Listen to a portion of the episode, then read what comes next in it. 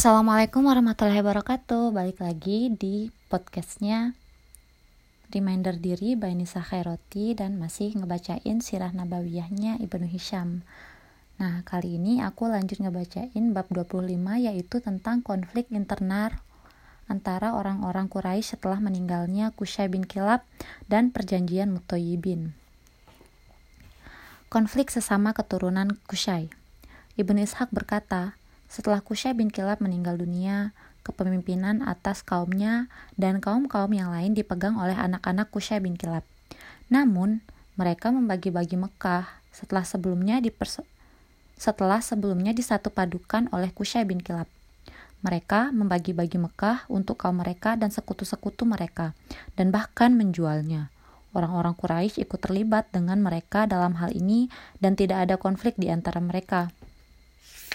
Namun, setelah itu, Bani Abdul Manaf bin Kushay yaitu Abdul Syams, ha Hashim, Mutalib, dan Naufal bersatu untuk merebut hak-hak yang selama ini dipegang oleh Abduddar bin Kushay. Kushay bin Kilab sengaja memberikan hak-hak tersebut kepada Abduddar. Hak-hak tersebut adalah hak menjaga Ka'bah, komando perang, memberi min minum jamaah haji, dan menjamu mereka. Bani Abdul Manaf, Hashim, Mutalib, dan Naufal berpendapat bahwa mereka lebih berhak atas hal-hal tersebut daripada Abduddar, karena mereka lebih terhormat dan lebih utama di sisi kaumnya. Akibatnya, orang-orang Quraisy pun terpecah belah.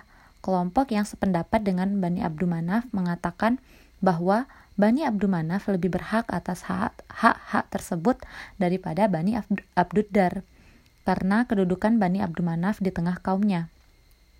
Kelompok yang sependapat dengan Bani Abduddar mengatakan bahwa apa yang telah diberikan Kushay bin Kilab kepada mereka tidak boleh diambil lagi dari mereka. Pemimpin Bani Abdul Manaf adalah Abdul Syam dan Abdul Syams bin Abdul Manaf karena ia seorang or, orang tertua di Abdul Manaf di Bani Abdul Manaf. Sementara pemimpin Bani Abduddar adalah Amir bin Hashim bin Abdul Manaf bin Abduddar. Bani Asad bin Abdul Uzza bin Kushay, Bani Zuhrah bin Kilab, Bani Taim bin Murrah bin Ka'ab, dan Bani Harts bin Fihr bin Malik bin Nader berpihak kepada Bani Abdul Manaf.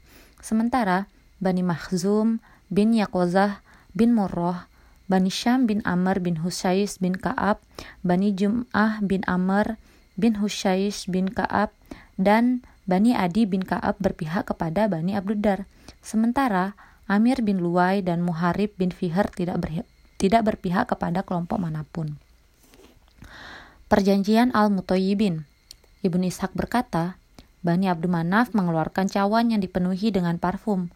Mereka mengaku bahwa sebagian wanita-wanita Bani Abdul Manaf memberikan cawan tersebut kepada mereka. Kemudian mereka meletakkan cawan tersebut di samping Ka'bah.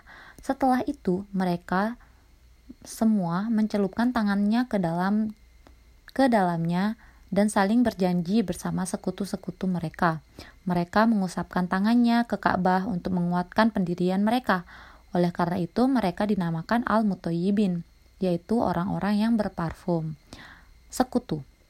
Ibnu Ishaq berkata, Bani Abduddar dan sekutu-sekutunya mengadakan perjanjian di samping Ka'bah bahwa masing-masing dari mereka tidak akan menelantarkan yang lain dan tidak akan menyerahkan sebagian dari mereka kepada sebagian yang lain. Mereka dinamakan al-ahlaf atau sekutu. Kemudian, masing-masing kabilah berbaris rapi untuk berperang dan siap untuk memulai pertempuran. Bani Abdul Manaf disiagakan untuk membantu Bani Sam. Bani Asad disiagakan untuk membantu Bani Abduddar. Bani Zuhrah disiagakan untuk membantu Bani Jumah. Bani Taim disi disiap-siagakan untuk membantu Bani Makhzum. Bani Harts bin, Pih, bin Fihr disiagakan untuk membantu Bani Adi bin Ka'ab.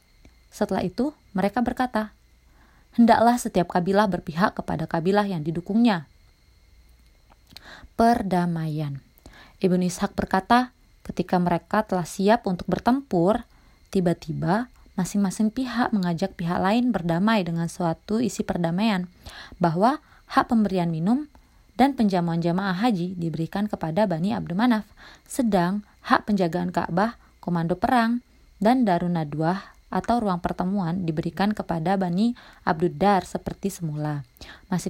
Masing-masing pihak menyepakati klausul perdamaian, menerimanya, menahan diri dari perang, dan semuanya harus menghormati pihak yang terlibat dalam perdamaian. Mereka seperti itu hingga Islam datang. Rasulullah Shallallahu Alaihi Wasallam bersabda,